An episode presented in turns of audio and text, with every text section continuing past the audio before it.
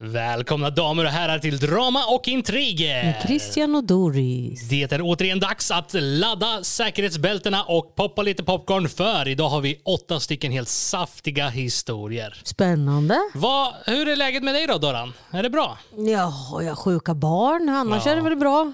Alltså det är så typiskt, det är sportlov, man tänker så här, "Åh, is- nu på sportlovet ska vi ta och hitta på någonting extra extra roligt. Vad var det för lov sist? Då var, ju, då var Ja. det ju Jason som var sjuk. Ja, var de jullovet. sjuka hela tiden Ja, alltså. men de tajmar på lovet i alla fall. Ja. Det är väl bra förvisso om man, om man tänker på skolgången liksom. Ja, vi fick Du. åka upp till akuten igår för Katalä hade 41 i feber. Det var läskigt. Farliga grejer. Alltså så här när liksom, man får så hög feber att man typ inte kan gå Ja. och att man liksom, är man inte riktigt med i spelet, alltså Nej. då blir det läskigt alltså. Ja, vad obehagligt. Eh, Så vi ringde Kry och de tyckte vi skulle åka upp. Vi åkte upp och fick reda på att vi har gett våra barn alldeles för lite Alvedon. Ja. Alltså det här är lite av en luring till alla er föräldrar där ute som kanske finns fler som inte vet om det här. ja, precis. Om man tar och kollar på Alvedon-förpackningarna så står det ju år.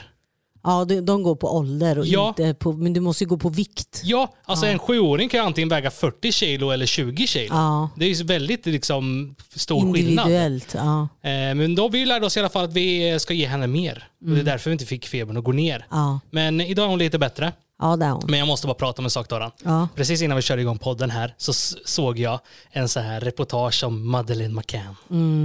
Som jag säger, Mackenzie. Mackenzie. Alltså herregud. Ni som har missat det här så var det ju, hur många år sedan? Det var ganska många år sedan. Ja, det var Hon är var 19 väl idag, hon typ var fyra. 15 år sedan eller något sånt där. 15 år sedan, det var några föräldrar som jag för mig var utomlands va? Ja, de, var, de var från eh, UK och sen åkte de på semester till Portugal. Ja.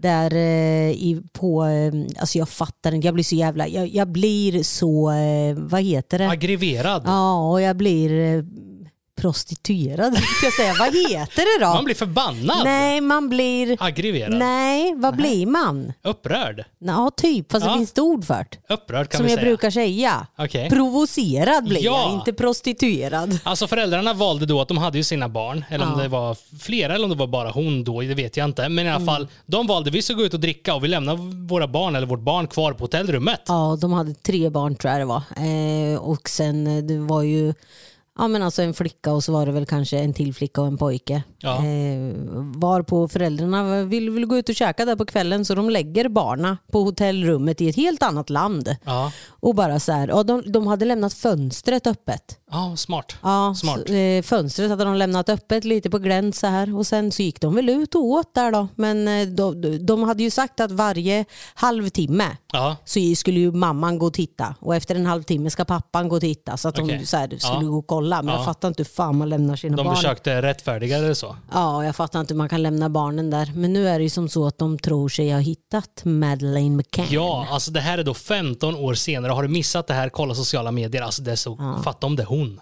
Fatta föräldrarnas Ja. lycka. Ja, precis. Och vad, eh, vad kommer att hända då liksom? Ja, men alltså flickan var ju då, hon var borta. De vet ju inte vad som har hänt henne. Hon kan vara död, Mm. hon kan ha blivit såld till en så här, eh, alltså så här hemsk, hemska hus om man säger så. Ja. Där de eh, blir neddrogade och våldtagna och sådana hemska saker liksom. Ja. Men fatta ändå, om det är hon, Mm. då har ju hon i alla fall, alltså visst de har förlorat 15 år, men Mm. hon, hon lever och hon har förhoppningsvis inte blivit utsatt på det sättet. Och det sjuka är ju att hon eh, har väl börjat gräva själv i det här flickan nu. Jag tror hon är 19 år idag. Ja, Eh, och har väl börjat gräva själv och, och pratat med mormorn som hon sa i någon TikTok-video. Jag älskar ju min mormor. ja, Men det är någonting som är väl, very suspicious sa hon ju. Liksom att det är något som är väldigt konstigt för så fort hon tar upp det här ja. att hon tror tyst. att hon är, då pratar hon bort det här. Ja. Och sen har mormor sagt att hon vet inte vem den här Madeleine är. Men det vet hon ju för nästa gång hon har tagit upp det här, då har hon sagt ah, jag har bara sett någonting på nyheterna om den flickan.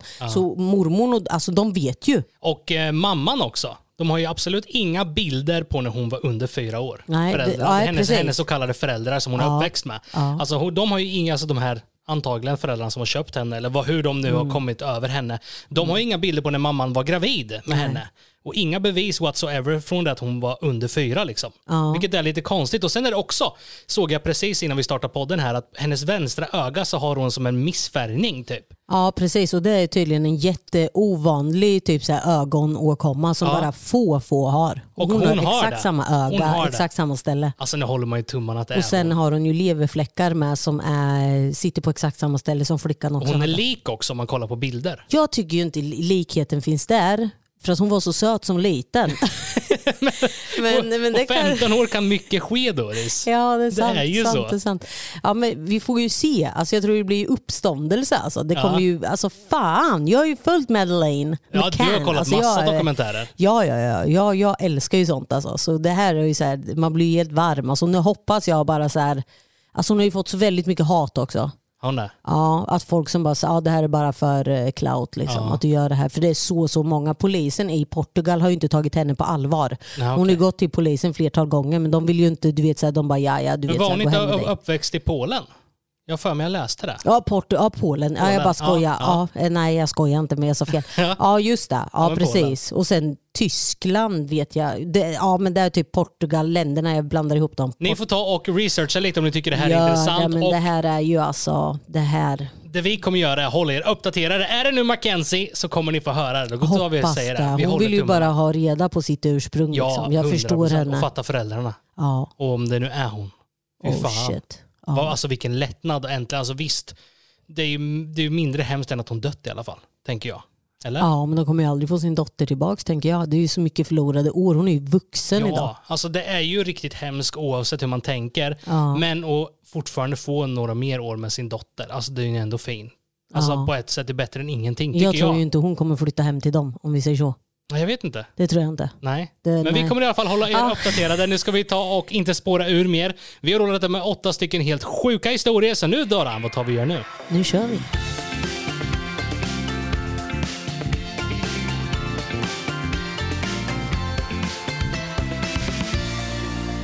råkade döda polarens hamster.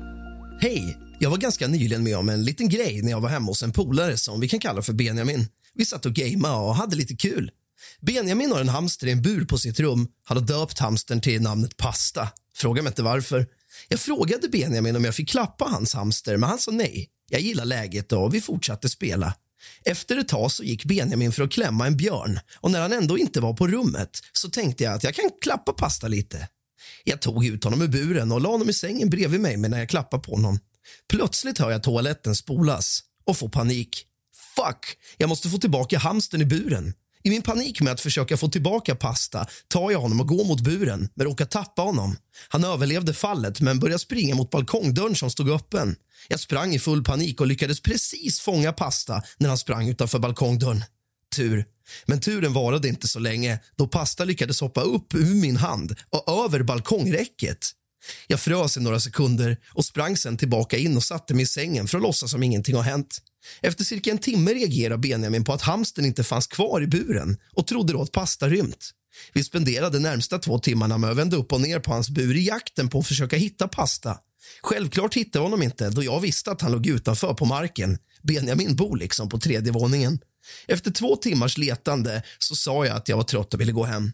På väg hem plockade jag upp pasta som låg stendöd på marken nere vid gatan. Jag kastade honom i busken och har sedan dess haft lite ångest. Jag ska säga som det är, kanske. Eller ska jag fortsätta låtsas som ingenting? Hjälp mig snälla. PS älskar verkligen er kanal och allt ni gör. Sluta aldrig med Youtube. Jag tycker inte att du behöver tala om någonting där de inte vet, det lider de ju inte av då. Ja, fast samtidigt var det en olyckshändelse. Han Ja skulle... men då behöver han ju inte säga något. Han, det var inte, han mördar ju inte med flit. Han försökte ju rädda han liksom. Men så gjorde ju han en sån, här, en sån här kamikaze och bara nerför. Alltså jag vet inte, jag tror att det bästa här absolut, det hade ju varit att erkänna direkt. Nej det hade inte jag gjort. Jo, nej, nu nej, nej. efteråt är det svårt att erkänna när han var med i två timmar och leta. Ja, men alltså- vad fan säger man då då? Som det är! Dude, I fucked up. Förlåt, jag dödade pasta. Nej jag hade inte sagt något alltså. Du hade inte gjort Nej, det? hell no, hell no. I'm vet, jag getting vet, away with uh, something criminal you know. då vet jag alltså, om, jag någon, om vi någon gång vaknar här hemma och våran hamster Stina är borta. Då ska jag inte fråga dig, för Nej. du kommer inte säga ändå vad som har hänt Nej med exakt, jag kommer inte tala om... Ja, nej alltså, jag hade inte tagit... En hamster, vad fan. Nej, alltså det är ju surt alltså. Nej jag vet inte. Nej, jag, hade, jag, hade på, jag hade på riktigt inte sagt något. Fast är det samma sak som att göra mot en katt eller hund? Det, jag, det jag, känns ju ja, värre. en katt eller hund hade jag ju talat om då. Liksom bara oh shit. Alltså, det är ju som så här, alla liv är lika värda, men samtidigt är man ju så lite konstig i huvudet. I alla fall mitt huvud tänker man ju att... Möss Ja, och skalbaggar ja, och spindlar. Och... Egentligen är de li- lika mycket värda som en hund eller katt eller vilket djur som helst. Men i ens egen hjärna tänker man, oj, tänk om det var en hund eller katt. Det känns så, så mycket värre. Ja. Jag vet att när jag var liten så har jag här en liten historia att berätta som hände med mina kusiner. Mm. De hade då en eh, liten kanin som bodde i en bur i deras hem. Och eh, min kusin, shoutout Nino, han eh, fick för sig den här briljanta idén som många barn har lekt med. Du vet, man tar ett så här skjutmått, heter det där? Så här, Mm. Ja, man, måttband i metall. Ja, precis. Som man drar ut. Ja. Och eh, jag vet, tror ganska många där ute har någon gång lekt med dessa. Man drar ut dem Och så så det är en man knapp kan. som man trycker så, Ja. åker den in. Eller man skjuter den åt sidan så liksom zoom, blir det så att den skjuts in. Och det var jättekul att leka med när man var liten. Mm. Och precis det gjorde ju de. Men det här min kusin inte visste var ju det att eh, kaninen hade rymt. Hade liksom lyckats trycka på den här buren så att den hade liksom öppnats. Mm. Och eh, han laddade upp den och tyckte det var jättekul. Spände den över halva lägenheten och sen släppte. Och precis när den här håller på åker in så kommer då kaninen från ingenstans och skuttar över. Samtidigt som den zitt, och eh, alltså huvudet föll ju inte av på kaninen men eh, han vart ju halalslaktad om man säger så liksom. Alltså fy fan, den är sjuk ändå. Men var det en tjock eller var det en sån här liten? Jag kommer inte ihåg. För jag Alltså, tänker, de här små kan ju inte göra så mycket skada. Jag menar, en kanin har ju ändå tjock päls och tjock hud. Ja, jag vet inte. Eller om det är de här tjocka, för då fattar jag ju mer. Det är mycket möjligt att det var en tjock, men vilket som så förblödde ju tyvärr kaninen och dog och mina kusiner fick men för livet i stort sett. Stackars kanin. Herregud, nu sitter Doris här och petar snorgubbar. Nej, var du ljuger? Lägg av. Okej, hon, det gör hon inte alls det. Nej. Nej. Som du inte precis visade mig din snorgubbe nyss när vi pratade, eller? Ja men vadå, jag var ju tvungen att fucking slita ut den. Ja, så är Det var en det. liten kråka bara. Ja, men jag brukar också peta i näsan. Har man skit i näsan måste Ja, man på ta ut tal om det. annat. Ja. Ja, jag la ut en story på min Instagram igår. Du vet att folk har, de har liksom synat dig igår efter när jag kom ner med bröd till dig. Jag var så stolt och kom, hade bakat frallor. Ja. Och så gick jag ner till Christian och gjorde en sån här story. Jag tänkte ju inte på du vet, så här, att han hade snus i mun. Nej. Nej, och då kommer jag ner och jag bara first impression när han ska testa. Ja, du tyckte det var jättegott men det du inte tänker på är att tallriken ligger här. Du tar din snus och gömmer den under bakom tallriken. Ja, men jag visste- Folk bara, gömde han, ja hur mycket DM som helst, bara, gömde han just snusen under tallriken? Ja men det var så här, jag, alltså det, det är inte så jättefräscht att visa en gammal snus tänkte jag. Och lägga den på tallriken känns ju inte heller så fräscht. Så vad ska jag göra av den här? Ja, men jag lägger den under tallriken så länge så tog jag ju såklart upp den sen och kastade den. Ja, men Men du vet, jag har fått jättemycket bara, alltså la han den just under tallriken? och det var ju det, du sa ju ingenting till mig Nej Christian. men jag så, kollar ju mobilen. Nej, jo, men du sa ju ingenting om att Christian, jag kommer spela in en story nu. Nej, nej, Utan nej, du nej. bara kom ju ner och jag vet inte om du använder den där antingen för att lägga ut eller för eget bruk eller så jag bara okej. Eget bruk. Ja men jag brukar... Bitch please. Jag har massa videos. Jävlar, det, lät, det låter väldigt fel för eget bruk här, men jag menar inte så. Jag menar inte så. Menar... Nej, sådana videos har jag inte, men alltså jag kan bara stå och filma Doris när vi sitter vid matbordet för jag tycker hon är kul. Eller när jag ligger och sover och snarkar. Det kan jag också göra. Jag älskar det, det är det bästa jag Det vet. gör det. Jag hatar när någon filmar mig när jag sover. Nej, jag tycker det är Det är jättekul. det värsta jag vet. Det vill så jag säger, se. om jag snarkar någon gång, kan du, kan du filma mig? Ja, en gång så lät det som en Harley Davidson. Ja, men då var jag ju packad. Ja, det var riktigt jävla packad. Ja, och då, alltså, Harley, det Harley, Harley, Harley, Harley, Det var sjukt vad jag lät alltså. Ja, då sov jag djupt. Ja, men i alla fall, kaninen dog och eh, här ber vi... Ja, till Benjamin ska du nog inte säga vad du gjorde med pasta. Nej, jag, jag tror ju inte att du behöver göra det, men alltså absolut om du går och mår jättedåligt och har ångest och att det här grämer dig, absolut säg det. Men mår inte du dåligt över så, nej fan skitigt. Ja, Ja, men det- alltså det- lite så. Egentligen ska man göra rätt och erkänna, men att eh, det skulle du i sådana fall gjort direkt. Nu känns det Ja. too late liksom. Ja, det här det skulle nog fucka er relation tror jag. Om Det du kommer i med. efterhand bara och inte har talat om direkt. Du, jag råkar kasta ut pasta Äh, från nej, han balkongen. kastar inte ut. Nej, men det kan ju Hamsterjäveln låta som hoppar väl, han får skylla sig själv. Jo, men alltså vad är oddsen med att balkongdörren står öppen? Han råkade springa ut och sen så råkade fast... att det- Hallå, vet du vad jag vill testa med våran hamster? Vadå? Kan inte du göra en fallskärm och så, så testar vi om det funkar så här. så kan flyga ner. Det ska vi inte Det göra. skulle vara jättekul. Då kommer ju Stina, Och så våra... gör du en liten, sån här, en liten sån sele till Stina. men då kommer ju Stina råka samma öde som pasta. Nej, en riktig fallskärm. Jag kan bygga en riktig fallskärm till dig så kan vi testa hoppa ner. Ja men det hade ju varit lite kul. Du kan göra som om vi hon, har en eh, madrass då? Madicken. Hoppa ut med en paraply. Nej men det funkar ju inte. Nej. Jag tror att det skulle funka att, att lyfta Stina i heliumballonger? Ja, det är klart det skulle. Men vi kommer vi testa? Nej, det kommer vi inte. Nej men jag skulle bara kolla om det skulle funka. Jag Nej, vet inte. Vi ska inte kasta ut Stina från balkongen för att se om min Jag fallskärm ska funkar. inte det. Du- Jag bara undrar. Har du någonsin sett hur mina byggnationer brukar sluta på Youtube eller? Ja det har jag. Nio gånger av tio så går det käpprätt åt helvete. Ja, men jag- det var bara en tanke jag fick som slog mig. Inte för att vi ska inte, vi är inga djurplågare här hemma, men Nej. jag ville bara fråga liksom, skulle det funka? Jag tror det skulle funka, men kommer vi testa? Nej. Ny säsong av Robinson på TV4 Play. Hetta, storm, hunger. Det har hela tiden varit en kamp. Nu är det blod och tårar. Fan händer just nu. Det. är Detta är inte okej. Robinson 2024, nu fucking kör vi! Streama söndag på TV4 Play. Ett poddtips från Podplay. I podden Något Kaiko garanterar östgötarna Brutti och jag, Davva, dig en stor dos skratt. Där följer jag pladask för köttätandet igen. Man är lite som en jävla vampyr. Man har fått lite blodsmak och då måste man ha mer. Udda spaningar, fängslande anekdoter och en och annan arg rant. Jag måste ha mitt kaffe på morgonen för annars är jag ingen trevlig människa. Då är du ingen trevlig människa, punkt. Något Kaiko, hör du på Podplay. Därför är gardinerna.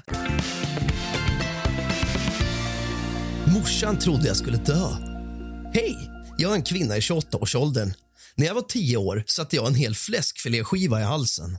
Det var nyår och familjen satt samlad vid middagsbordet samt en äldre man som var vår granne. Vi åt fläskfilé i ugn med sås och klyftpotatis. Jag var ganska glupsk som ung och såklart moffade jag i mig en hel skiva utan att tugga ordentligt. Jag satt i halsen och paniken slog mig som aldrig förr. Kände att köttet satte sig redigt. Jag bara satt där bland alla sju och blev helt handlingsförlamad. Mamma tittar på mig och frågar vad det är. Inte ett ljud får jag ur mig. Jag ställer mig upp och hon frågar om jag har fått något i halsen. Inte ett ljud. Jag börjar till slut slå mig i bröstet när jag känner att det har gått lång tid utan luft och paniken bryter ut ännu mer. Låtsasfarsan Bengt och morsan drar in mig på muggen och Bengt har ett redigt grepp runt bröstkorgen och försöker med all kraft han har att pusha upp köttbiten. Det funkade inte. Han börjar slå mig gång på gång i ryggen allt vad han kan, men utan framgång. Mamma står bredvid och gapar allt möjligt. Hänger dock inte med på allt som händer och sägs då jag har gripits av panik och känner hur paniken inom mig stiger allt mer. Nu har det gått flera minuter utan luft. Mammas panik stiger lika så. Helt plötsligt vrålar hon bredvid mitt ansikte. Hon dör! Hon dör! Nu är paniken maxad. Bengt kämpar på allt vad han kan mellan att varva med att trycka runt bröstkorgen och slå mig med knytnävar på ryggen. Samtidigt vid köksbordet sitter mina fyra syskon och är skärrade medan den där jävla tröga grubben till granne sitter och berättar när han satt i halsen en gång. Det är väl ändå det sista de vill höra på just nu. Efter flera minuter kommer nästan halva köttbiten ut, tack och lov. Äntligen lite luft och jag kan till slut hosta upp resten. Kroppen kämpade så mycket med syreupptaget att varenda blodkärl i ansiktet hade spruckit. Har aldrig känt mig så nära döden och speciellt inte när morsan skriker mig rakt i ansiktet att jag dör. Idag är det någonting vi skrattar åt, men då var det de värsta minuterna någonsin. Tack ska ni ha för en unik och rolig podd. Alltså jävlar, jag, I know the feeling darling, I do know. Och det här var ju då från tidigare avsnitt, eh, den innan den här, där Ja. vi då efterlyste om historier om människor som satt i halsen. Ja, fy fan jag vet exakt, alltså jag vet paniken. Det är ju så obehagligt. Och sen den där jävla grannen som sitter och bara medans hon sätter i halsen, han och kan väl vänta. Mamman som stod av, hon dör! Åh gud, nej fasen, paniken lite, där. Alltså det där är lite hon dör. Det låter lite som din morsa. Åh gud jag dör. Ja, men så här, nej, nej, men nej, alltså inte så. Nej, men det hände saker. Alltså den där lövgrejen, det vi har berättat om tidigare. Lövgrej? elda- Ja, din morsa bara gick därifrån. Nej men det, hon sa inte att hon dör. Hon bara, jag skiter i det här och så bara gick hon.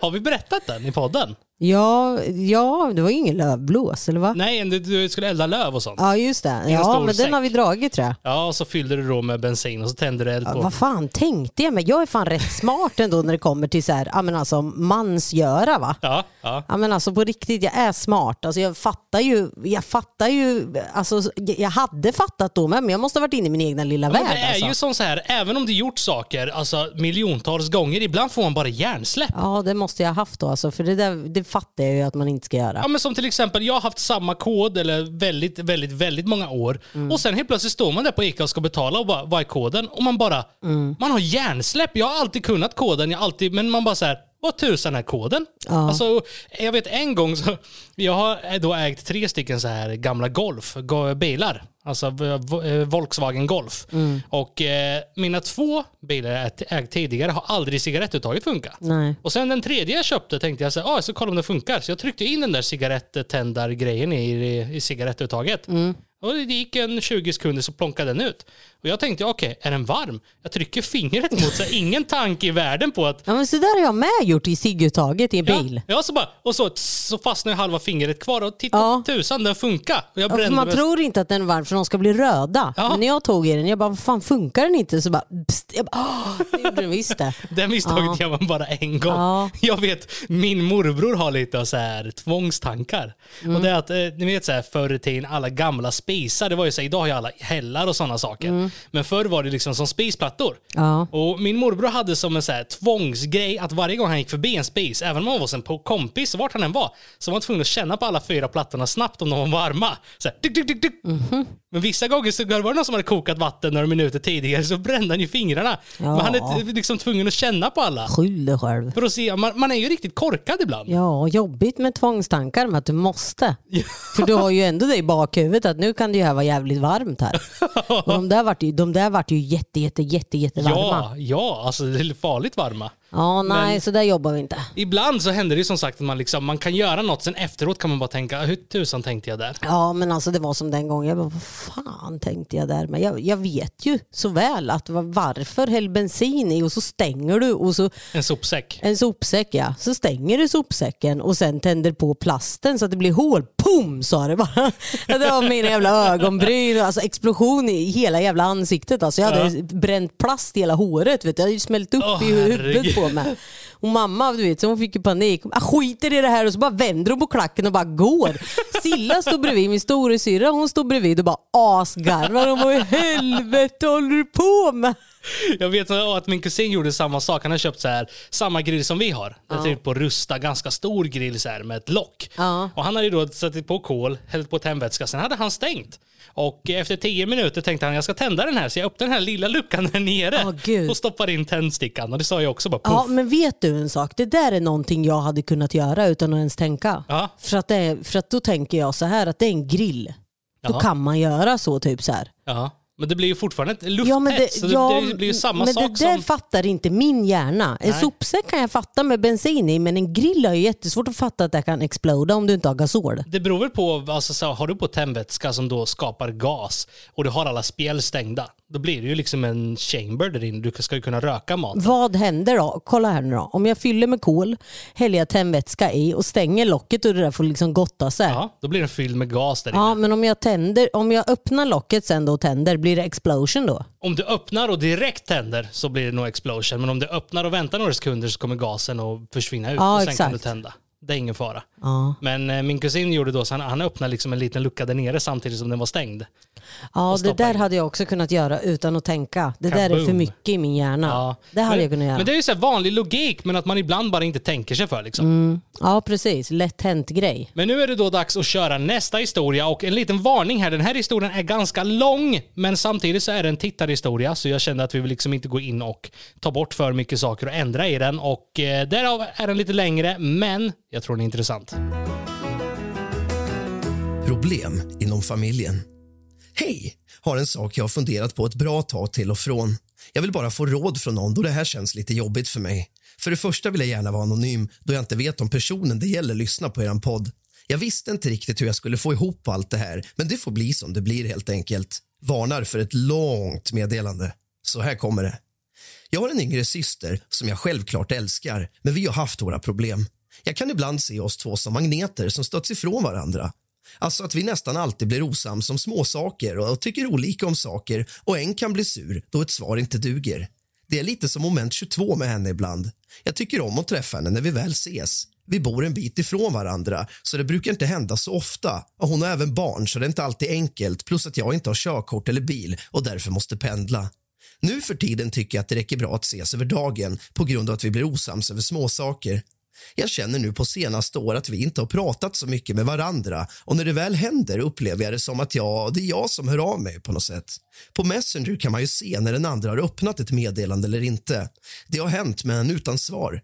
Jag kan förstå om man har annat för sig, men då får man ju svara när det finns tid. För man kan omöjligt vara upptagen 24-7. Och betyder det liksom jag minsta lilla för henne tycker jag även att hon ska höra av sig någon gång. För att hon vill. Ibland när jag skickat något och inte får svar kan det gå några dagar och så skickar hon en random meddelande till mig men svarar fortfarande inte på det jag skickade dessförinnan. Jag stör mig så mycket på det, men jag är samtidigt konflikträdd som person och vågar inte säga ifrån och jag vill inte heller bli osams med henne. Men samtidigt vill jag ändå att hon ska veta hur jag känner angående vår relation till varandra. Blir man osams med henne kan det vara småsaker, som att hon alltid har rätt, men när en annan tycker något blir det ett jävla liv. Det verkar duga att höra av sig när det passar henne men det är väldigt sällan hon frågar hur man mår och så vidare. Eller ja, verkligen försöker ta sig tid att prata och även lyssna på en. Det ska hela tiden vara något annat i bakgrunden som stör. Hon är ensamstående med fler än ett barn, men ja, jag förstår om det är svårt, men varför ska jag alltid ha förståelse för andra hela tiden? Nu senaste två, tre åren har jag varit med om ett förhållande som plötsligt dog ut, där killen bara blev tyst, vilket jag idag tycker var lika bra av olika anledningar. Samma år, några månader efter, fick jag en ledsjukdom som jag upplevde förstörde mitt liv, men försöker tänka annorlunda nu. Sen året efter, alltså 2022, gick en vän till mig plötsligt bort så det har även varit begravning och sen är det annat omkring mig. Exempelvis den ekonomiska biten som många idag tycker är jobbig. Det har tagits en massa energi och jag känner att jag inte orkar med det här. Jag vill att hon ska försöka anstränga sig mer om hon vill ha kvar mig i sitt liv. Jag vet ärligt talat inte vad jag ska göra. För som sagt, jag är konflikträdd och rädd att bli mer osams med henne. Men samtidigt så vill jag att hon ska veta hur jag känner att det är mellan oss. För det blir ju svårt att lösa problemen annars. Hon kanske inte ser något problem i det här, men det gör jag. Ibland när hon hör av sig och är trött och känner att jag inte är så social av mig så verkar hon inte förstå och kunna respektera det och låter istället sur och säger att hon istället inte ska störa mig mer i så fall. Men jag har väl också ett liv. Jag jobbar och blir trött. Jag äter mediciner som gör mig trött. Jag har en ledsjukdom som jag tar dessa mediciner för och den sjukdomen gör mig också trött. Jag behöver bara råd. Vad ska jag göra? Det går inte att förklara hur hon beter sig mer än det jag gjort. Vissa behöver man uppleva för att förstå hur hon fungerar. Som sagt, jag älskar henne, men inte hennes beteende. Men jag vill inte förlora massa energi och ständigt ha någon som är grinig och aldrig visar sig ha tid för en. Jag förstår ärligt talat inte hur man kan vara så upptagen att man glömmer sin familj. Jag har slutat höra av mig till henne nu för att jag ändå inte får någon respons och samtidigt upplever att hon inte bryr sig. Ibland känner jag mig som någon slags reserv som duger att höra av sig till om man har tråkigt eller råkar ha tid över en minut eller två. Om hon är så förbannat upptagen och vi inte kommer överens och hon alltid ska ha rätt och inte låter andra ha åsikter är det väl egentligen lika bra att bryta till slut.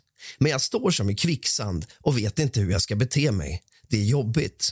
En annan sa att jag skulle strunta i henne. Men om hon hör av sig då? Ska jag inte svara då? Jag är inte sån. Jag är rädd att råka såra någon, framförallt mina närmaste. Men samtidigt vill jag ju kunna stå upp för mig själv och säga vad jag tycker. Men jag vet inte hur. Jag är rädd att få skit tillbaka från henne. Jag vet att jag visar mig svag nu, men jag är försiktig och osäker som person och har alltid varit det. Blev även utsatt för mobbing i skolan när jag var yngre. Är idag över 30 år. Det skiljer bara några få år mellan oss två. Tänk ifall ni undrar om det är stor åldersskillnad mellan oss. Sen vet jag att det finns de som har det värre än vad jag har. Men jag orkar seriöst inte förlora mer energi. Jag mår inte jättedåligt, men jag mår inte jättebra idag heller. Jag försöker bearbeta mina känslor. Inte alltid enkelt när man även är högkänslig. Sörjer även fortfarande min vän. Det har bara gått ett halvår sedan jag förlorade henne. Jag vet inte vad jag ska göra angående mitt problem, men jag tar gärna emot råd. Nu blev det ett långt meddelande. Rätt typiskt mig. Ber om ursäkt för det och jag förstår om ni inte tar med det här i er podd. Oavsett vad så gillar jag er podd och tycker att Rask passar bra till att läsa upp alla berättelser. Tack så mycket. Jag följer även hans podd som också är väldigt bra. Skicka en hälsning till honom och jag håller tummarna på att allt löser sig på bästa sätt för hans familj. Ha det bra allihopa. Med vänlig hälsning, Anonym. Ja, så det här var ju då en längre historia som vi då fått inskickat till oss. Men hur, vad ska man säga i den här situationen Doris? Eh, Jag vill ju till att börja med säga tack så jättemycket för dina fina ord och du behöver absolut inte be om ursäkt till oss för något långt meddelande eller någonting utan det här tycker vi är askul Ja, Eh, ja. och kan vi hjälpa så, så är det jättebra. 100 procent. Eh, Jag tycker väl så här, alltså för mig är det svårt för att jag, eh, jag har själv sex syskon. Eh, Ja, det har jag. Jag har sex syskon Eh, och vi har ju inte, alltså vi har ju väldigt sporadisk kontakt Ja, till och från. till och från och de kan skicka till mig och jag bara äh, öppnar och så glömmer jag av och där. Men, men, men i botten så vet ju vi alla liksom att, att vi älskar varandra och alltså så här, det är inget konstigt. Och grejen är, skulle det hända något så vet du att du kan räkna med dem också. Exakt, exakt. Det är ju det. Alltså, så, jättesvårt men jag tror det du kan göra eftersom att du är konflikträdd du känner ändå att du vill ha, det- ha det sagt liksom, utan att bråka är väl att bara så här, skriv till henne eller om du pratar med henne och bara jag vill absolut inte bråka utan jag vill bara säga hur det känns Ja. och typ så här att det, att det känns inte Var bra. transparent, men lägg fram ett bra. Ja exakt och sen just att du understryker det att jag, det här är inte för att bråka utan jag vill bara tala om hur det känns. Och något som jag tycker är viktigt här med det är att göra det här alltså öga till öga och inte via telefon eller sms där det saker kan missuppfattas. ja men fast och... de syns ju inte så ofta. Nej men om de till exempel träffas för de kanske vill prata så ta Ja. över en fika istället för att smsa för det är lätt hänt att det liksom misstolkas. Missförstå. Ja, precis, precis. Ja men det är det. Eh, Och så är det ju tråkigt så här, men det är ju också som så, så visst man är familj, man kan älska varandra, men sen vissa människor klickar inte lika bra som andra människor gör. Tyvärr, alltså det är tråkigt att säga men alltså, ja, alltså, ja, vad ska man säga liksom? Ja. Det, men som jag, anledningen till att jag inte har kontakt med mina syskon är ju inte på grund av någonting utan jag älskar ju dem villkorslöst ändå. Utan det är ju mer att de vet att jag hatar att prata i telefon. Även min morsa, så hon hör direkt, "Nej, ja, okej men vi hörs när jag hör att du inte har lust att prata. det är knappt att du vill prata med mig. Nej, alltså, det är, alltså jag lovar det är få jag pratar med i telefon som jag ändå kan tycka att det är så här okej liksom. Ja. Jag, jag hatar att prata i telefon. Ja, det är ju väldigt tråkigt. Alltså, så här, jag, jag är likadan. Jag tycker Ja, inte men om det att finns sitta... ingen mening med Jag, ja, men jag tycker inte om att småprata i telefon. Alltså, det är mer så om jag ringer dig så är det ju... Ja, det är för alltså, att du vill något. Ja men hallå, vad ska jag köpa i butiken? Ja. Eller, det är liksom snabbare att ringa än vad det är att skriva liksom. Ja. Men annars så skriver ju vi till varandra hela tiden om det. Ja men exakt, det, det har ju vi. Men det är också, du känner ju mig in och ut. Du vet Ja. ju också att jag hatar att prata i telefon, jag ringer aldrig. Alltså jag har skitsvårt för att ringa till instanser, till typ så här, ja, men prata med försäkringsbolag eller något som har med, med Ja. telefon att göra och grejer. Du, du, alltså jag, jag klarar knappt av att ringa till typ Kry. Ja, ja, Jag, jag hatar verkligen att prata i telefon och du, som tur är så vet ju mina syskon hur jag är. ja. Alltså de Och, vet alltså, det. jag kan vara likadan som din syster där, att när det kommer till att inte svara, jag är ganska dålig på det. Och det är ju inte jag för att jag är taskig mot mina syskon, eller så, men de kan skriva så här, ah, vill du komma på ett dop, vill du komma på liksom Kalas så här, eller hur är läget? De kan skriva någonting och jag brukar svara, men ibland så händer det att de smsar typ under en inspelning, under när vi är upptagna, Ja, eller jag gör exakt. någonting. Då tänker jag, okej, då läser jag bara lite fort, och okej, Ja. jag ska svara på det här sen. Ja. Och sen fortsätter dagen. Och sen, sen efter några dagar så bara, oh shit, jag glömde svara, men det har gått för lång tid.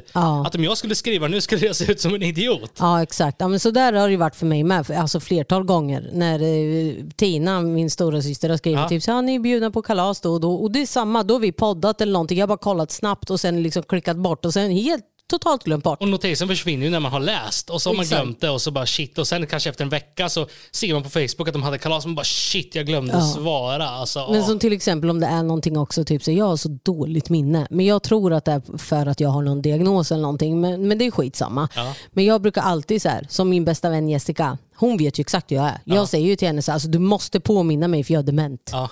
Ja men det är sant. Ja. Alltså, jag kan glömma saker en sekund efter. Eller typ så här, jag ska leta efter någonting och sen bara, vad var det jag skulle, vad var jag här? Och du, och du bara, ja du skulle hämta det. Du vet, så jag ska hämta någonting men jag går in i kylen och letar efter någonting och jag vet inte vad jag letar efter. Bara senast igår hände det. Du bara, jag ska hämta det, okej, så följer jag med in i köket. Och så ser jag hur du så här börjar gå runt och börjar titta runt. Och så här. Jag ser på det du har glömt vad du letar efter. Bara, Men Doris, du skulle ta fram mjölk. Just det! Ja men alltså det är sant. Alltså, jag tror ju som sagt att jag har en ADHD eller ADD någonting. Ja. Och det har blivit värre med åren alltså. Ja. Mina tankar är så spridda överallt och ingenstans och det är därför också jag tror att jag inte kan sova. Jag snackade med Jessica om det, det tar jättelång tid som vuxen och typ att de, om man söker hjälp så, kan de, så säger de oftast typ så att ja men du är så gammal ändå. Ja, typ att så här, du har klarat det hittills och vi klarar det resten. Exakt, ändå. men det, det, börjar bli, alltså det börjar bli jobbigt nu. Ja. Jag känner ju det själv, nu är det jobbigt. Ja men alltså du kan ju ha ett ganska dåligt närminne sådär. Och långtidsminne med. Alltså, men samtidigt är vi helt olika på, på ett annat sätt. Det är som till exempel, jag kan ha jättelätt för siffror och komma ihåg telefonnummer. Eh, Sådana grejer är jag jätteduktig på. Men jag är så dålig, och det här tycker jag är jobbigt, på ansikten. Doris kan träffa en människa. Träffar vi samma människa ett år senare kan du bara, ja ah, just det, därifrån känner jag igen dig. Eller som när vi har haft meet and greet så vi träffat de följare bara, du det har jag sett innan. Ja, för två år sedan var jag där. Alltså du har värsta ansiktsminnet. Jag är jättedålig där för det kan komma fram någon, tja är det bra? Jag bara, ja. Men bara, "Who the fuck are you?" Jag träffar ju väldigt, väldigt mycket människor. Alltså det blir många ansikten att hålla koll på. Ja. Men det är då min svaghet. Men jag är som sagt lättare för siffror istället. Ja, sen har ju du, du vet så här. Alltså det är samma sak alltså om jag städar. Alltså jag, kan, jag kan inte, alltså jag, det är jättejobbigt för mig och det här säger jag på riktigt. Alltså från botten av mitt hjärta, det är så jävla jobbigt för mig. För att jag börjar på ett ställe och så, och så börjar jag på, jag ska göra köket. Men du vet så jag slutar upp toan, men vad fan gör jag här och städar? Jag skulle städa köket. Ja, men då är det så du- Skitjobbigt. Du, du ska gå in och hämta en, en toalettpapper från toaletten för du behöver torka och så ser Ja. du oj, det var dammigt på spegeln. Oj, så börjar du damma. Oh, jag måste tvätta spegeln och så ser du nej, mattan är smutsig. Jag dammsuger alltså. Och så blir jag jättearg Ja. för att du inte hjälper till fast jag ska göra någonting basic som inte du behöver hjälpa till med. Ja. Men det är, det är Och då, och då skitjobbigt. blir det istället att Doris liksom går iväg och påbörjar åtta projekt samtidigt. Då tar ju allting jättelång tid. Ja, jag vet. Det är där jag säger alltid sen när du städar och jag har varit iväg eller vad som helst. Typ så här. Och jag bara, hur fan har du lyckats att städa allt det här? Det här hade jag gjort på två dagar. Ja, men då är det för att våra hjärnor funkar olika. Jag är så här, okej men jag kör den här diskbänken. Då kör jag bara diskbänken tills jag är färdig. Så en sak i Det taget. är jättejobbigt. Jag får inte bukt på det. det där. Nej, och jag vet att farsan har samma problem. Han är också så här att han ska börja, åh nej jag måste sopa här. Och sen när han sopar så, åh nej det är repa i golvet, okej jag måste fixa det. Och så börjar, till slut står han och hänger upp en tavla liksom. Och det är ju lite så att vi alla människor är olika. Ja, jobbigt är det. Men om vi ska ta och eh, återspegla lite Ja, i men jag, historien här. ja, jag tycker att du ska bara så här lugn och ro, bara så här understryka att du inte vill bråka. Men Nej. att du känner så här. Ja, och är det som så här att du känner att ni, ni, du bråkar hela tiden med din syster, ja men håll det Ta en sporadiskt. Träffa varandra någon gång ibland på kalas och sådana saker. Man, bara för att man är syskon så måste ni inte umgås 24-7. Ja, men som min tvillingsyster, alltså hon kan skriva ifrån ingenstans. Bara älskar dig, eh, t- eh, Twin Peak kallar Ja, vi varandra. Hon kan ju ifrån ingenstans, du vet, då har inte jag sett eller hört någonting från henne på ett år. Ja. Och så bara älskar dig Twin Peak. Typ Ja, men det, är- alltså, det är ju som... att- vi vet ju vart vi har varandra. Precis, och sen, så, sen så är det också som så att även om ni är syskon, kan, alla kanske inte har jättebra kontakt med varandra. Nej. Men om det händer någonting, Ja, som till jävlar. exempel din tvillingsyster bröt benet Ja, eller var fan. armen. Ja, Alltså, alla då, vi alltså. Då fanns alla där, så man vet ju att man ändå har varandra när det väl gäller. Och samma sak med mina syskon med, liksom, att man ställer exakt. upp om det väl krävs. Precis. Men eh, vi tycker som sagt, prata med din syster. Transparens är det viktigaste och gör det face to face. Ja, gör det. Absolut. Så Väldigt. hoppas vi att det här löser sig eh, för dig till det bästa och att du får lätta på trycket så att säga. Ny säsong av Robinson på TV4 Play. Hetta, storm, hunger. Det har hela tiden varit en kamp. Nu är det blod och tårar. Fan händer just nu. Det. är Detta inte okej. Robinson 2024, nu fucking kör vi! Streama söndag på TV4 Play. Ett poddtips från Podplay. I fallen jag aldrig glömmer djupdyker Hasse Aro i arbetet bakom några av Sveriges mest uppseendeväckande brottsutredningar. Går vi in med hemlig telefonavlyssning och, och då upplever vi att vi får en total förändring av hans beteende. Vad är det som händer nu? Vem är det som läcker? Och så säger han att jag är kriminell, jag har varit kriminell i hela mitt liv men att mörda ett barn, där går min gräns.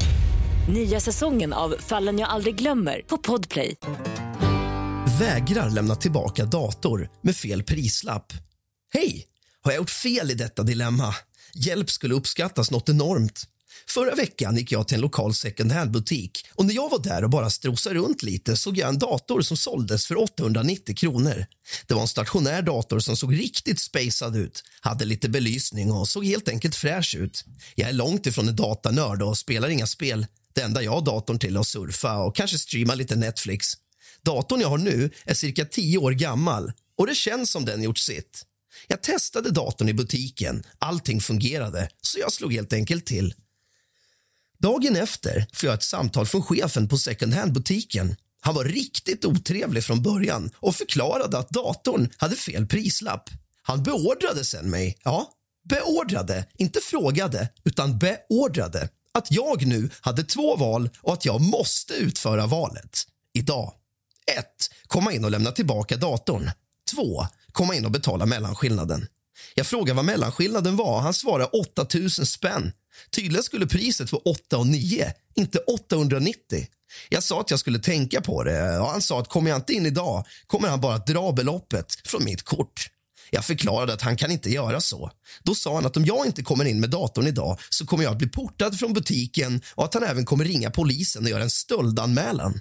Jag svarade igen att jag skulle tänka på det. Det sista han sa var att antingen lämnar du in datorn eller så åker du i fängelse. Sen la han på. Jag tror inte att polisen kan göra något, för det är ju inte stöld.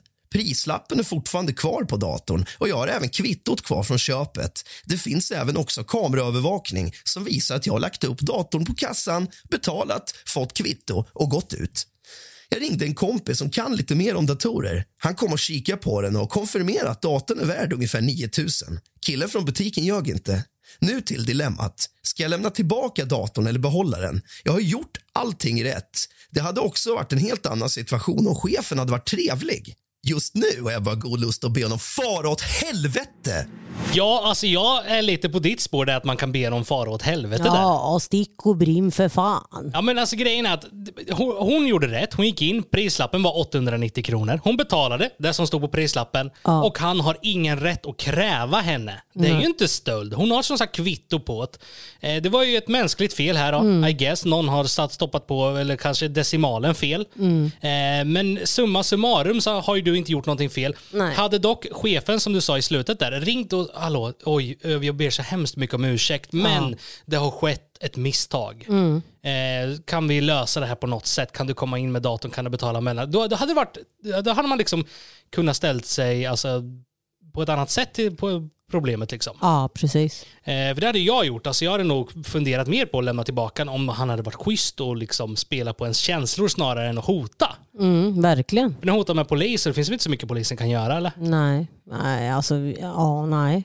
Det tror jag inte att de kan. Nej, visst hon blir portad från butiken men om chefen beter sig så här så fuck den butiken, bojkotta den i sådana fall. Exakt. Min granne är dum i huvudet. Jag bor i ett höghus med väldigt många lägenheter i. Grannen under mig är en gammal sur slemkärring som inte har något liv. Ungefär en gång om dagen knackar hon på för att klaga om något. Jag är förresten en kvinna på 34 och lever tillsammans med min pojkvän. Denna kärring är ungefär 60 och bor med sin man. När hon klagar nämner hon saker som att vår tv har för hög volym igår. Ni flyttade era möbler i morse. Jag måste sluta duscha så högt. Min AC låter för högt. Jag har haft besök och varit högljudda. Jag måste sänka musiken. Vår katt mjauar för högt. Listan kan göras väldigt lång. 99% av alla klagomål är helt obegripliga. Visst att jag har tre katter, men de brukar sällan låta någonting överhuvudtaget. Ska jag behöva sätta munkavel på katterna så att de inte låter något? Hon klagar också väldigt mycket om att vi röker på vår balkong och det luktar in hos henne. Men för helvete, varken jag eller min man röker. Kärringjäveln vägrar fatta oavsett hur mycket jag försvarar mig. Det första året bad jag om ursäkt och försökte anpassa mig men denna kärringens nivå är helt från vettet. Alltså. För några veckor sedan behövde vi reparera ett hål i en av våra gipsväggar. Min pojkvän skötte själva reparationen medan jag gick till kärringen för att varna att det kommer låta men att vi måste reparera ett hål i väggen och hoppas att hon kan ha överseende med lite bankar och oljud. När jag knackar på och blir insläppt så kunde jag knappt höra min pojkvän i vår lägenhet medan han borra, slipa och banka. Jag har trott att vi har tunna golv, men tydligen inte. Kärringen måste väl ha superhörsel eller liknande. Efteråt frågade jag min pojkvän om han hamrade hårt. Han sa att han inte höll tillbaka något alls. Vi har alltså gått på nålar i år på grund av en gnällkärring som överdriver. Jag brukar lyssna på musik så pass lågt att jag knappt hör musiken till exempel. Nu har jag bestämt mig för att sluta leva som en mus och leva som en normal människa. Jag kommer helt enkelt ignorera kärringen helt. Numera när jag går förbi och hon ropar mitt namn fortsätter jag bara gå. Knackar det på dörren öppnar jag inte. Min pojkvän gör exakt samma sak. Förra veckan knackade hon på min dörr i över tio minuter och stod till slut och skrek att hon vet att jag är här inne. Jag sa att hon kunde fara åt helvete, eller så ringer jag polisen. Hon vet att jag kommer hem från jobbet 16.30 varje dag och igår hängde hon ut från sitt fönster och skrek massa fula ord åt mig när jag gick mot porten. Problemet är att vi har en stor lekpark framför huset med massa barn och det är här problemet jag har kommer in. Hon ställer ju till denna scen bara för att jag har ignorerat henne. Hon skapar dålig stämning för alla i hela huset. Har jag gjort fel eller ska jag bara fortsätta ignorera henne? Jag anser att du har gjort rätt här. Alltså så här, är den där kärringen verkligen så hemsk och överdriver exakt allting och gnäller för minsta lilla? Ja, det, är skit i det. Jag hade hört av mig till hyresvärden eller lagt en bajskorv i hennes brevinkast. Alltså. Jag har skitit i brevinkastet. Men det finns ju tyvärr såna här människor som verkligen ha, inte har något liv. De Nej. lever på att gnälla och hitta andras fel och Ja. bara liksom göra livet surt för andra. Och hon var ju då nere i lägenheten och det är inte så lyhört som den här kärringen vill få det att framstå. Nej. Eh, och visst, när man är liksom, bor man i ett eh, hyreslägenhet och man har grannar så ska man alltid ta hänsyn till varandra. Mm. Men till exempel är klockan 10 på morgonen, är klockan 12 på dagen, du vill spela lite hög musik, ja men kör hårt. Ja, precis. Man måste ju fortfarande få leva. Ja, men så är det ju. Så det handlar ju om respekt och ömsesidig kärlek tänkte jag säga. Det har man ju inte alls. jag men- undrar om det bara alltså hon, de hon aimar på kärringen. Eller Ja, om det är alltså- andra med i huset. För då kan man gå ihop alla och gå till hyresvärden och bara "Hörrni, ni får göra någonting åt den här kärringen. Alltså. Ja, och sen är det ju som så att eh, grejen var att jag tror de har gjort bort sig där är väl att hon kanske varit för trevlig från början. Hon har liksom Ja. ursäktat sig för mycket de första gångerna när kärringen gnällde och visade sig liksom, underlägsen. ja exakt, hon har, de har tagit, hon har tagit hela jävla henne liksom. Ja, och då har den här kärringen fått huvud och anser att hon kan gnälla på allting för att Nej. hon känner sig lite viktigare. Hon känner sig lite liksom så här, få slå dig på fingrarna i stort sett. Så jag anser att den här kärringen, har, nu är inte det här rätt, det jag kanske tycker, men jag tycker att du ska skita i det. Ja det tycker jag också. Och är det som så att hon har väldiga problem med allting, ja men då får väl hon, kärringen, anmäla det till hyresvärden i sådana fall. Ja Och exakt. så får de göra en undersökning där de ser att det är bara kärringen som gnäller. Ja precis. Eh, och sen visst, det blir dålig stämning här, men glöm inte att det är ju inte du som gör den dåliga stämningen genom att ignorera henne, det är ju kärringen. Ja exakt. Eh, så där skulle jag inte ha dåligt samvete och jag anser att du har inte gjort någonting fel. Nej. Hon var för fet för att massera. Jag är en man på 25 år som arbetar som massör på ett någorlunda litet spa och har arbetat här de senaste tre åren. Denna vecka hände något jag aldrig tidigare varit med om och det var att jag var tvungen att neka någon massage. Det som skedde var att vi hade en bokning för en grupp på fyra personer. Tre av personerna i gruppen var normalbyggda medan en av kvinnorna var överviktig och inte så lite heller. Korpulent. Jag började genast se alla hinder, såsom att hon inte skulle få plats på britsen. Skulle den ens klara av att hålla hennes vikt? Finns det något sätt jag kan lösa situationen? Jag presenterade mig väldigt trevligt och höll under hela diskussionen en väldigt bra ton där jag förklarade att vi kan komma att ha lite problem med hennes vikt. Jag frågade väldigt försiktigt hur mycket hon vägde. Hon svarade 209 kilo. Jag förklarade då som sagt väldigt trevligt att tyvärr kan vi inte hjälpa henne med en massage. Jag erbjöd istället något av våra andra alternativ, såsom ett spabad, fotmassage och så vidare. Men hon var för upprörd. Det slutade med att gruppen på alla fyra personer avbokade sina tider och gick därifrån. Tre av mina kollegor fullkomligt hatar mig nu då jag gjorde att de förlorade sina kunder de hade. De menar att jag bara kunde ha bemött henne trevligare och skött situationen bättre. Men vad tycker ni? Ja, så det finns väl inte så mycket man kan göra här om det nu är Jag som tycker så. att du har gjort rätt. Liksom. En sån här brits eh, antar jag är ju en sån här portabel rackare och jag menar, en sån är ju liten. Alltså, du, får ju inte, du får ju inte på en hur stor som helst Nej. utan att den där klappar ihop. Och samtidigt, som är man överviktig så måste man väl ändå ha det i baktanken med att det kan komma sådana här problem. Ja, Sen precis. anledningen varför hon är överviktig, det, är- alltså, det kan ju Ja, vara men det är ju inte övervikt, det här är ju så här grov, fetma, grav ja. fetma. Liksom. Alltså, det är ju... Ja, och det kan ju vara sjukdom och ganska mycket som ligger bakom Ja. det. Men alltså, oavsett alltså, väger hon väldigt mycket, då måste man ju ha det i baktanken. Man kan inte sätta sig på en lite ranglig stol. Man kan inte kanske lägga sig på en vanlig brits. Då får man kanske kolla i förväg. Okej, jag väger så här mycket. Kan jag Mm. utföra det här? Liksom, Mm. Man förstår väl själv också. Jag kan inte hoppa fallskärm till exempel. Om man är så pass stor att man... Men nu snackar vi ju inte övervikt, hon vägde över 200 pannor. Ja, liksom. då, alltså Då är man big. Då är det knappt om man kan gå. Ja, Då är exakt. man riktigt, riktigt stor. Ja. Men här, alltså, jag förstår ju hans kollegor, de förlorar sina jobb, men samtidigt måste ju de inse att alltså, det är inte ditt fel. Nej. Eh, det enda han kunde göra här, han eller hon, är ju helt enkelt hålla en god ton, som jag då uppfattade som att han gjorde, han eller hon gjorde, Mm. eh, och säga trevligt. Sen finns det inte så mycket mer man kan göra tyvärr. Nej. Eh, det är ju inte hans fel att britsen kanske inte håller. Och hur skulle det se ut om han nu, han eller hon nu, okej men du får en massage, Ja, gör det. Och så går det sönder och du skadar det. Ja, eller eller, hon skadar sig. Ja, Ja. men precis, då blir det ännu mer skit av det. Och det kan bli polisanmälningar och allt möjligt. Så jag tycker ändå den här personen gjorde rätt Det i att neka trevligt liksom. Ja. Barnvakten ringde polisen. Hej Christian och Doris. Jag har varit med om en liten skum sak och jag vet inte om jag har gjort fel eller rätt här. Jag är 14 år gammal och brukar vara barnvakt åt människor i vårt område. Vi bor i ett ganska fint villaområde och alla känner alla i stort sett. I fredags var jag barnvakt åt en familj som bor några hus bort. Det var från klockan 14 till 21. Jag sa till mina föräldrar att jag skulle komma hem 21.30 som senast och gick sen bort några hus för att hålla ett öga på deras två yngre barn, fem och sju år gamla. Tiden gick fort och vi lekte, hade picknick i trädgården, kollade tv, spelade spel och så vidare. Och helt plötsligt var klockan 21.00 och föräldrarna hade fortfarande inte kommit hem. Jag smsade för att kolla om de var på väg hem men fick inget svar. Jag ringde båda föräldrarna flera gånger men ingen svarade.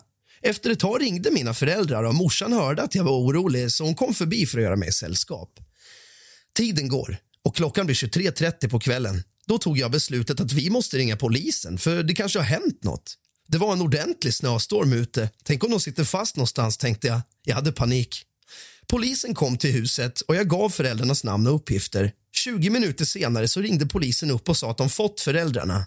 De var hos en kompis och åt fortfarande middag. Föräldrarna ringde sen mig och var rosenrasande för att jag ringt polisen.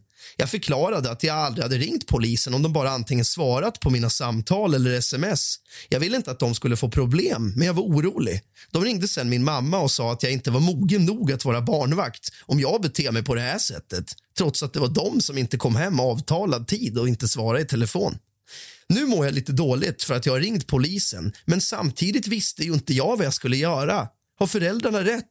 Är jag för omogen för att vara barnvakt? Jag hade ju aldrig låtit en 12-åring vara ba- 14. 14-åring. Ja, 12 och 14, det är nummer jag blandar ihop. 12. Ja, nej, men jag hade ju inte låtit en 14-åring vara barnvakt till mina barn i så lång, så lång tid. Ja, nu ska Alltså- det bara vara för vissa några timmar, men en femåring känns lite litet.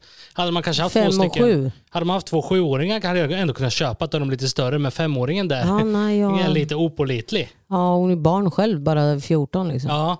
Nej, alltså jag anser att den här 14-åringen har inte gjort någonting fel. Nej, det har du absolut inte gjort. Du har gjort helt rätt. Och det är de som sa att de skulle komma hem till klockan 21 och det är väl klart att du blir orolig om de inte kommer hem när de har sagt och sen att du får liksom säga de svarar inte när du ringer och frågar. Nej, jag anser att du gjorde 100% rätt och Ja. jag fattar inte föräldrarna i det här läget.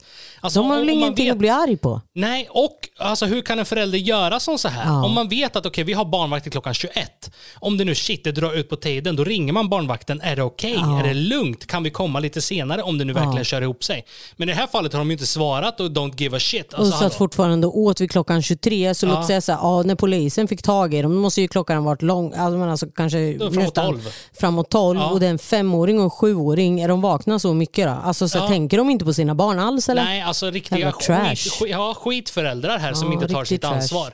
Eh, och, eh, Du som har inte gjort fel. Nej, och du är inte omogen nog att vara barnvakt heller skulle jag säga. Nej, det tycker jag faktiskt Eh, inte. Men det här var då helt på föräldrarna. Eh, men som tur var så löste det sig ju. Men eh, var inte barnvakt åt den här familjen mer. Som att föräldrarna inte går att lita på. Nej, liksom. gör inte det. Han kräver tillbaka sina presenter han gett mig. Jag dejtade en snubbe vid namn Robert för cirka tre månader sedan. Robert och jag träffades på Tinder och matchade. Jag gjorde det klart från början att jag bara var på jakt efter lite roligt och inte något seriöst. Vi hade riktigt roligt och jag sa att jag skulle vilja fortsätta träffas som vänner eller vänner med förmåner, om man säger så. Han gillade idén. Under de kommande veckorna så överöste han mig med presenter. Jag började ana att han började få känslor. Och japp, efter några dagar så erkände han att det var precis det han börjat få. Jag har sedan dag ett förklarat för honom att jag inte behöver jag har några presenter. Vi är riktigt bra polare, men jag vill verkligen inte ha något seriöst förhållande i mitt liv just nu. Och han förstod. En av hans gåvor var ett par riktigt fina och dyra örhängen. Dessa örhängen är mina totala favoriter just nu och jag bär dem dagligen. Robert började efter ett tag bli väldigt kontrollerande och krävde att jag var tvungen att svara på hans meddelanden som han skickade var tionde minut. Han sa även att jag måste besvara hans känslor, något som jag återigen förklarade att jag inte har. Vid detta läge så började mina varningsklockor ringa. Jag kände att det var dags att distansera sig lite. Jag förklarade att hans känslor inte kommer bli besvarade oavsett hur mycket han överöser mig med kärlek och presenter. Efter några dagar sprang vi på varandra nere på Ica. Vi pratade lite löst och han bad sen om han kunde få tillbaka sina örhängen han gett mig. Han sa att han betalat mycket pengar för dem och att de endast är värdiga en kvinna som besvarar hans känslor. Jag sa att nej, jag älskar de här örhängena och du gav dem faktiskt till mig. Han blev otroligt arg och sa att jag lurat honom. Att jag är en jävla golddigger som bara ville ha pengar och presenter från honom för att sen hugga honom i ryggen och dra. Att jag är en hemsk människa trots att jag från dag ett var på det klara med vad jag var ute efter. Till en början tyckte jag att han var dum i huvudet men efter att ha tänkt i några dagar så kanske det är jag som har gjort fel här. Vad tycker ni? Jag tycker att du skulle ha gett tillbaka med jävla örhängen och sagt, vet du vad? Take this trash, I don't want to Ja, see them anymore. alltså det- Varför ska du behålla dem för? Ge kasta skit. Sen anser jag att det är ju inte du som har gjort fel här. Det är ju han. Alltså, det, här är, Bitter är det, här vet är, det här är det värsta jag vet. This is narcissism. Människor i allmänhet, det spelar ingen roll om du ger någonting till en, din pappa, din mamma, din kompis, din kusin, vem du än ger någonting till. Om man ger någonting så ger man. Mm, exakt. Och då är det liksom, det här är liksom det han håller på med just nu, det är att låna ut saker. Ja, precis. För han tror att han ska få dig. Ja men så träffar du en eh, kille, du ger honom ett par fina örhängen och sen gör ni slut. Då kan man ju inte komma efteråt och kräva för då har det inte Nej. varit en gåva, då har det varit ett lån. Då Ja. får man ju vara klar med, med det liksom där från första början. Mm. Eh, och samma sak vänner som blir osams och sådana saker. Hörru du, den där skivan du Ja, fick förra året, den, löjligt. den vill jag tillbaka. Men hallå. Ja, Nej, det, här, det, det tycker jag det är bland det värsta jag vet, människor som Mm. håller på så här. jag med. Och eh, i det här fallet var, var ju hon då transparent från början. Hon vill inte ha något seriöst förhållande och han var kär. Ja men det kan hända. Han är bitter. Ja, men alltså det kan ju hända att man får känslor. Man kan ju inte riktigt styra sånt. Men hur Nej. han beter sig samtidigt är inte okej. Nej, Att verkligen han inte. ska liksom tvinga henne att besvara känslorna bara för jag att hade hon får inte saker. behållit de jävla örhängena. Vem fan vill ha dem? Ja men precis. Men Så visst, de var väldigt, väldigt dyra. Men säg de kanske kostar 20 lök. Ja men hellre ge tillbaka. Men, men fuck you. Här, Ja, ta dina örhängen. Kör upp dem i Exakt, arslet. Det exakt. hade jag gjort. Ja, jag med. Hade du velat behålla den om jag hade betett mig liksom? Nej. Jag hade bara sagt, vet du vad? I don't need this shit. Jag Nej. behöver ingenting ifrån dig. Nej, och så bye bye. Exakt. Men då vet man ju också framöver att den där karln var inget att hänga i julgran liksom. Nej, det är bara att kasta. Men eh, ja, kära vänner, nu har vi då gått igenom åtta stycken saftiga historier och även pratat om McCann, Ja. Mackenzie, som Yes. Dory säger. Hoppas att det är hon. Ja, jag hoppas också det. Jag verkligen håller tummarna både för föräldrarna och för hennes skull att det nu är hon. Ja. Men det ska bli spännande att följa och eh, stort tack för att ni lyssnade. Vi hörs helt enkelt nästa onsdag klockan 06.00. Puss och kram.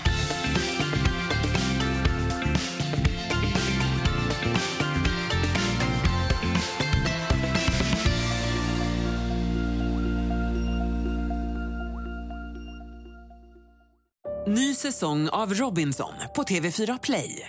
Hetta, storm, hunger. Det har hela tiden varit en kamp.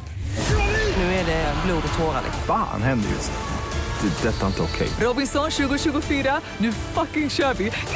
Streama söndag på TV4 Play.